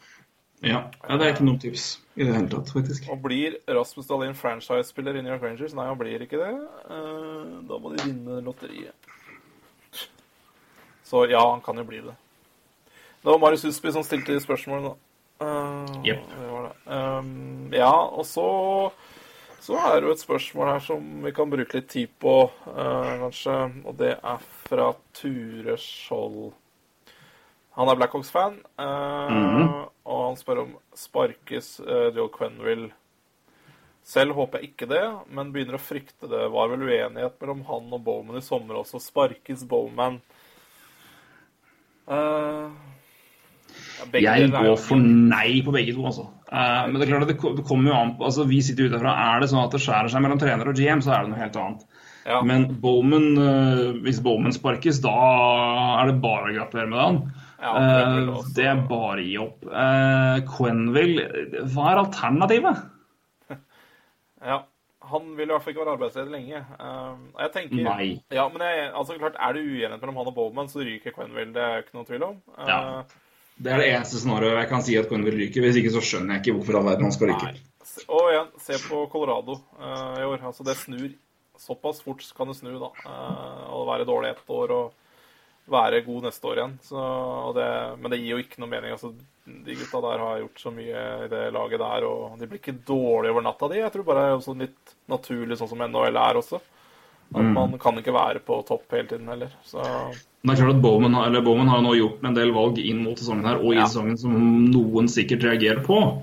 Eh, og det tror jeg nok kan være litt eh, som nok har kosta laget. eh, Men jeg, jeg, altså, han, han ryker ikke på det, altså. nei, Det kan jeg ikke skjønne. Det gir for meg lite mening. Men Quenville er litt mer Men igjen, altså, det er jo et Ja, men han får utdelt i korta her òg, da, fra, fra, fra Bowman, så Så er det et lag som også ja, Si hva du vil om det, men altså, de har mista Marian Hossa rett før sesongen. her. Det er ikke bare å gjemme under den altså, det, det er tap, det, altså.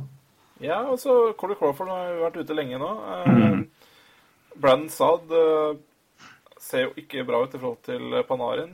Mm. eh, altså, Poplay deres eh, Vi prata om Poplay til Nå har jeg, har ikke tallene på Poplay deres, så det er sikkert fort gjort å finne her.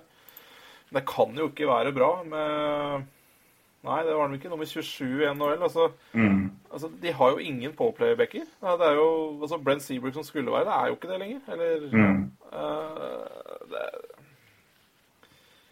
Nei, det Nei, det, er er et, det er et mer uh, ukomplett lag enn de har vært på nesten ja, åtte år, i hvert fall, vil jeg si. Ja, ja. Ja, ja absolutt. Eh, men, det er, men det er mye spennende her. Altså, tenker jeg, Ni altså, til og med. altså, altså, nå henta de Declare. Jeg syns det var smart. Eh, men Ja. de, de har fortsatt uh, The Brinket her, som skal, skal opp og fram. Ryan Hartman er ikke noe ferdig NHL-spiller ennå. Nei da. Schmaltz er også på vei opp. Schmaltz, ikke sant. Um, Anismo har jo vært litt skada i år. Ja, har gjort det ute en måneds tid omtrent, tror jeg. ikke sant? Og så er det sjøl om ikke de beste bekk har gjort det. Jeg syns de andre som har kommet, han uh, eller hva han har vært, Osterli har vært bra. Jeg syns Jan Rutte har klart seg fint. Ja. Eh, så det er ikke noe altså det, er, det, er det, Forskjellen nå er vel at det er flere Altså det er mer eh, altså Ja, de har flere feil, altså de har flere høl i laget enn de har hatt på lang tid. Og jeg syns òg at Vest i seg sjøl faktisk har blitt Nei, det er feil. Uh, det er feil. Det er tull å si. Men nei, men nei. Jeg, jeg, jeg, jeg kan ikke se for meg at det ender med sparking nå etter at de var så gode i regular season i fjor, og så traff de Nashville på Nashville var kom, Nashville fant seg sjøl gjennom våren i vinteren og våren. Og kom inn i det sluttspillet og var ekstremt gode. Og når Pekkarine bestemmer seg for at nei, jeg skal nå bruke hele min finske veggstørrelse til å stenge buret, det ja. Får vi se nå hva det ender opp med, men jeg, jeg sier nei, altså. Til begge to. Så Ja, ja. fremst det ikke skjærer seg helt mellom, mellom de to, da ryker Quenneville. Men av prestasjoner på isen og ferd, altså trenerferdigheter og hva de eventuelt kan få igjen, så sier jeg nei. Men han har vært her lenge, da. Han har vært her lenge. Ja da. Og i noen tilfeller så trengs det litt forandringer, men enn så lenge så sier jeg nei til begge to. Ja. Det gjør jeg jo. Mm. Ja. Skal vi se på videre her, da. Ja, og så er det for så vidt uh, OL, da. Uh, burde Emilio vært i OL-troppen, eller er han best av å spille fast i Muskegon? Og det Nei. Nei. Han Nei, han uh, Nei. skal ikke til OL. Nei, det Nei. Altså Se litt på alder her, da. Eh, Det tenker jeg. Uh, Canadas er yngste mann er så- 25. Hæ? Canadas yngste mann er 25. Ja. Og Eh, Rasmus Dahlin er med nå. eh, og det, det er jo- det også var sånn hm, Ja vel. Men eh, han var det er. Altså, Han var ikke klar. Når Rasmus Dahlin er klart Sverige er betydelig tøffere enn Norge, men eh, nei. Nei, nei, nei. Nei. Jeg, det syns jeg var Nei, der tror eh, jeg han hadde fått juling, altså. Men, Ja! Men, men, eh, men, eh, Det tror jeg òg. men uansett, da, så tror jeg også han har det best å være i, eh, i, eh, i, eh, i eh, USHL nå uansett, så det Men jeg tror ikke det var eh, Jeg tror ikke omtrent det var inne på tanken engang der, altså, så det Nei. Men for hans egen del er det nok bra han ikke skal dit. Eh, det var jo interessant. Jeg så Kale McCart kalte jo Nei, eh, ja, Kale McCart eh, Takka nei. takka nei ja, til å være med i OL, for han eh, har lyst til å få seg litt eh, utdanning. Mm.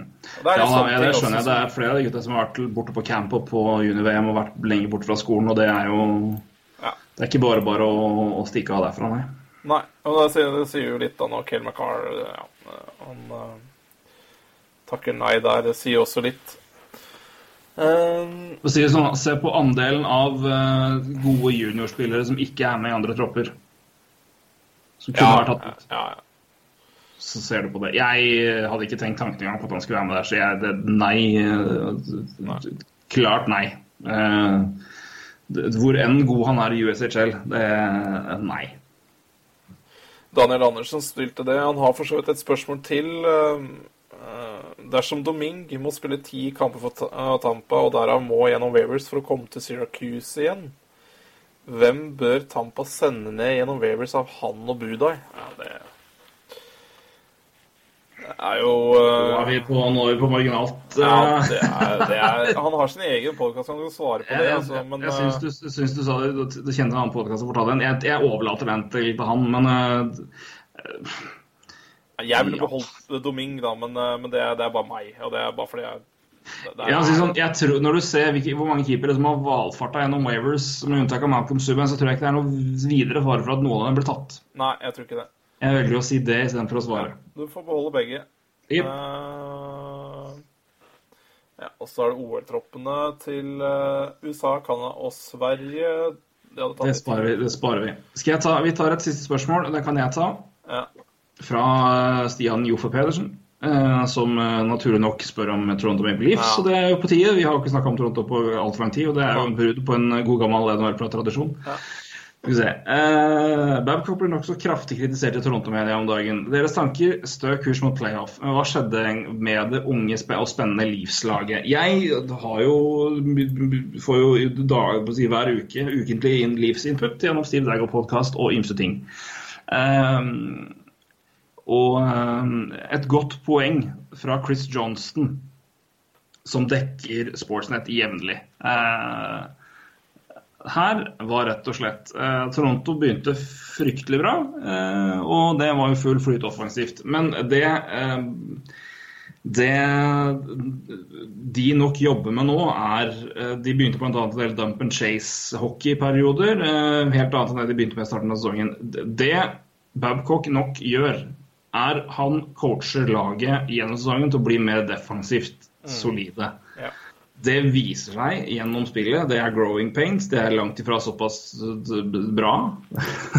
Eh, Men det er nok én forklaring som jeg kjøper glatt eh, på hva som har skjedd med, altså med spillestilen, eh, og at laget ikke er like eh, Altså det ikke er kruttkanon hver gang det laget spiller offensivt, i hvert fall. Det er nok en, eh, en et forsøk eh, på å, å coache laget defensivt gjennom sesongen.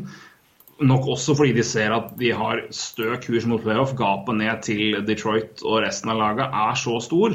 Det er ikke noe fare der. Nei.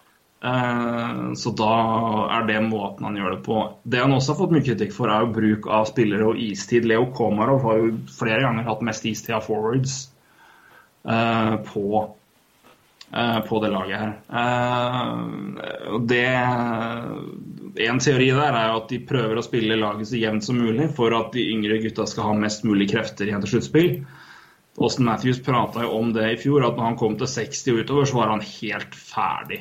Eh, Jeg tror det kan være en bit av, eh, av tankegangen hans. Men uh, eh, han blir jo kritisert for bruk av spillere og også bruk av rekker. Altså at spillere blir eh, hvem som spiller hvor, da. Eh, ikke minst at Rom, Roman Polak får såpass mye tid at eh, kommer og får spille sammen med Kadri og Marlot, og ikke eksempelvis Marner der. Eh, jeg, men jeg tror, jeg tror at rett og slett Babcock gjør en del grep for å coache laget defensivt her.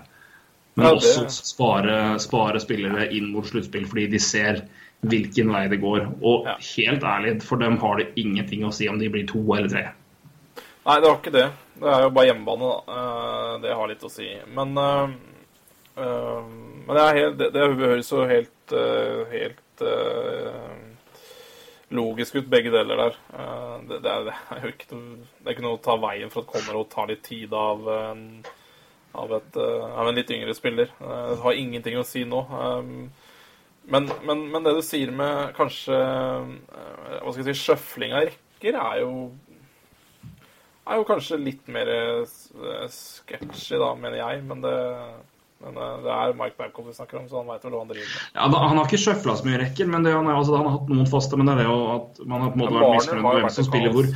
Men, Marner men det har vært en sånn gjenganger er at både Marner og Nylander har blitt satt i fjerderekka for å lære. Altså Det har vært en klar beskjed til dem at nå må dere høre etter på hva jeg sier. Eh, for eh, det har jo ingen av dem har vært eh, Det har vært perioder hvor de har slitt, eh, spesielt defensivt.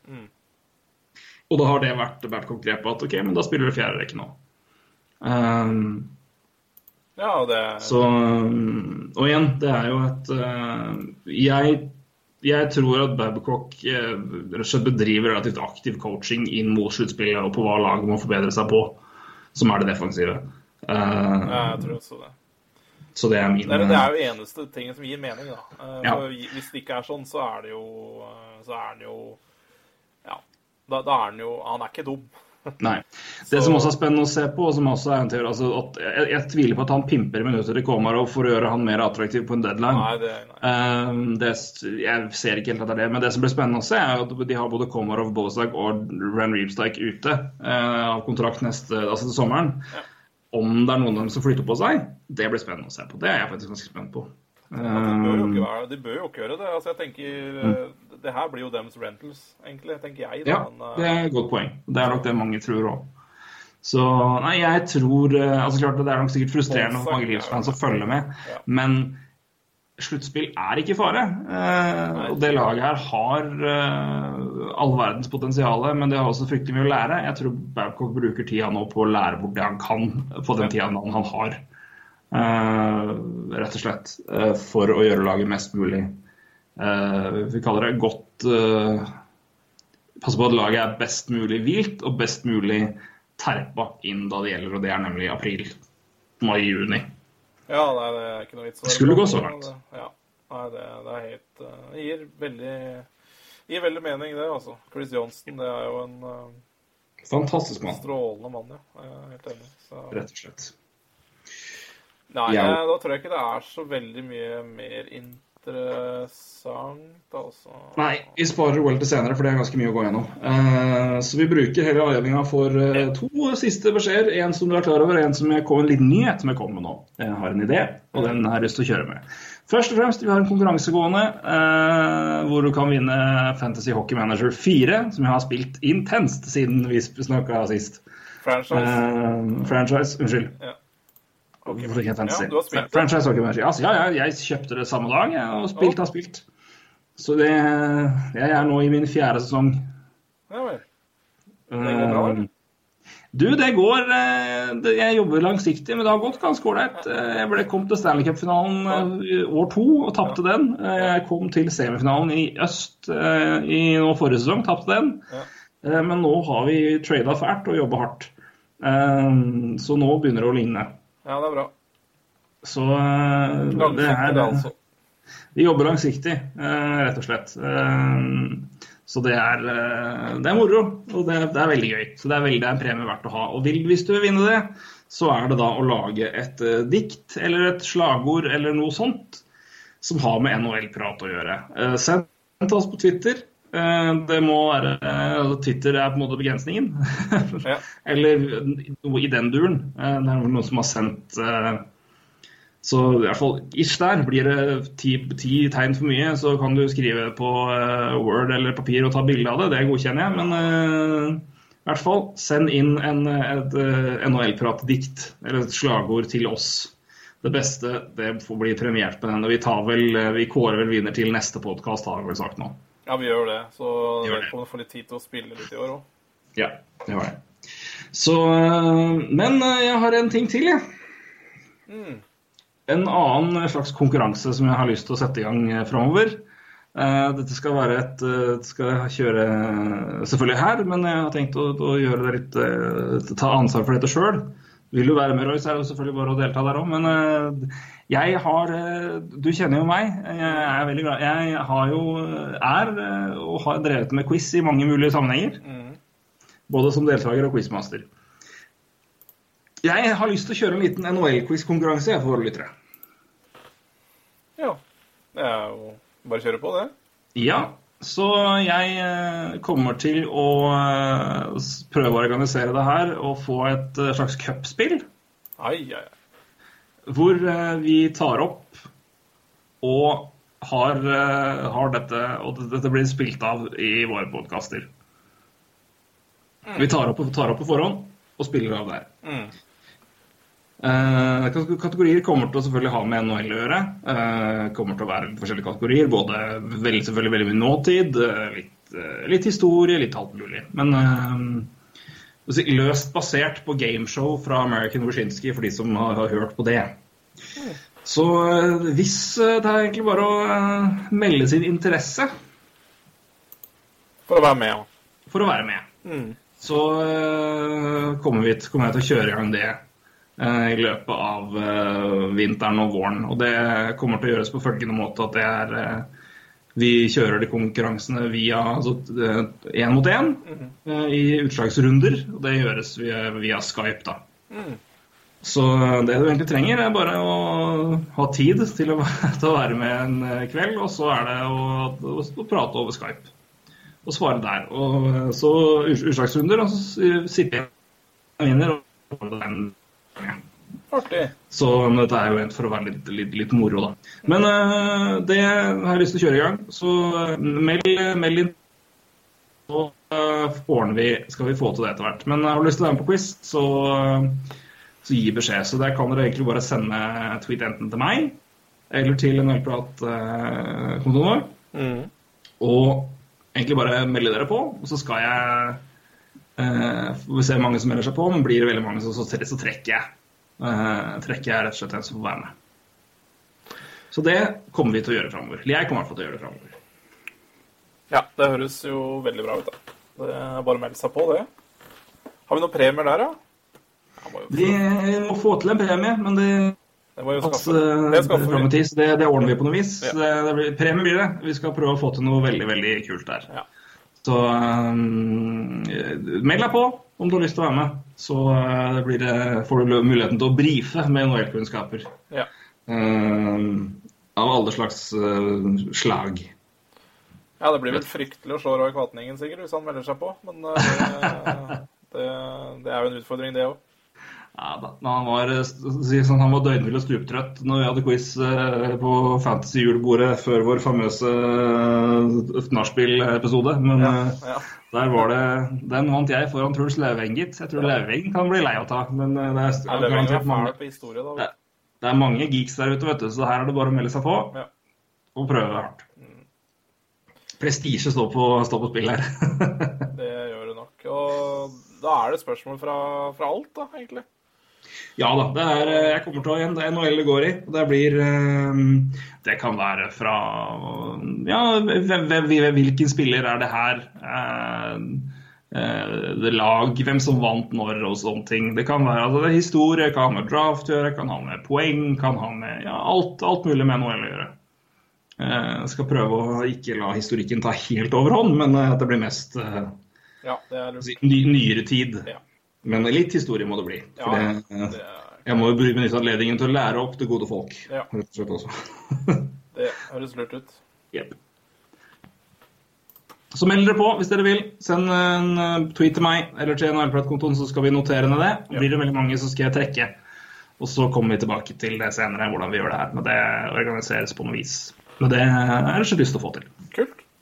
Jep. Da, Så det- ja, nei, da får vi bare runde av, da vel. Ja, for det. Og Men da er vi tilbake om ikke så altfor lenge, forhåpentligvis. Og så eh, da rekker vi vel å f- også få med oss litt OL-snakk da. For det, vi skal vel rekke det før OL begynner. Eh, Ja, da gjør vi det. er To uker det til. OL-start? da? omtrent. 14 dager til? 14 dager omtrent på dagen. Tror jeg starter vel om 15 dager, faktisk. Ja, nei, da er vi iallfall uh, tilbake før det. Da høres det ut som en uh, lur idé å ta litt OL da. Ja, det tror jeg er en eh, bra greie. Er ja. Men eh, da sier jeg takk for praten som vanlig, Roy. Takk for praten, Torgeir. Det var veldig hyggelig. Og jeg tror jeg faktisk skal sette og høre på den der introen en tre, fire, fem, seks ganger før jeg legger meg. For jeg syns den var eh, litt artig. Så, Det er så hyggelig. ja, Det er godt å høre. Så skal vi du litt sånn uh, Ja. Uh, gira han, rett og slett. Hvis ikke du får sove i natt, så er det min skyld. med andre ord. Ja, det kan godt Den skal jeg spille for høy full guffe i hele leiligheten her nå, så unger og kjerringer og det som der våkner og spør meg hva driver jeg med. Nei, jeg hører på den nye eh, tøffe NHL-prat-introen, skal jeg si da. Det er bare å blase der dere kan, rett og slett. Det skal jeg. Og dere. Det er godt å høre. Yes, Det er som vanlig til folket der ute. Takk for at dere hører på, og eh, vi høres senere. Sving gjerne innom iTunes eh, og eh, gi en kommentar og en liten stjerne eller fem. Ja, det trenger vi. Alt, alt imellom, hvis dere vil. Ja. Det setter vi veldig pris på. Og uh, ta del i diskusjonen på Twitter med oss, NRprat, at NRprat, og del gjerne, da. Hvis det er en NR-kompis som ikke har hørt på ennå, da send en ring. Du, sjekk ut dette her, da. Det kan, det kan kanskje kan hende du liker. Ja. Så er det så gøy. Får vi flere med som både hører på oss, og som kan være med og delta i NHL-diskusjoner og snakk på Twitter. For det liker vi jo. Ja, det liker vi. Vi gjør det. Så eh, til neste gang, fare thee well, og takk for i dag. Takk for i dag. Ja. Ha det!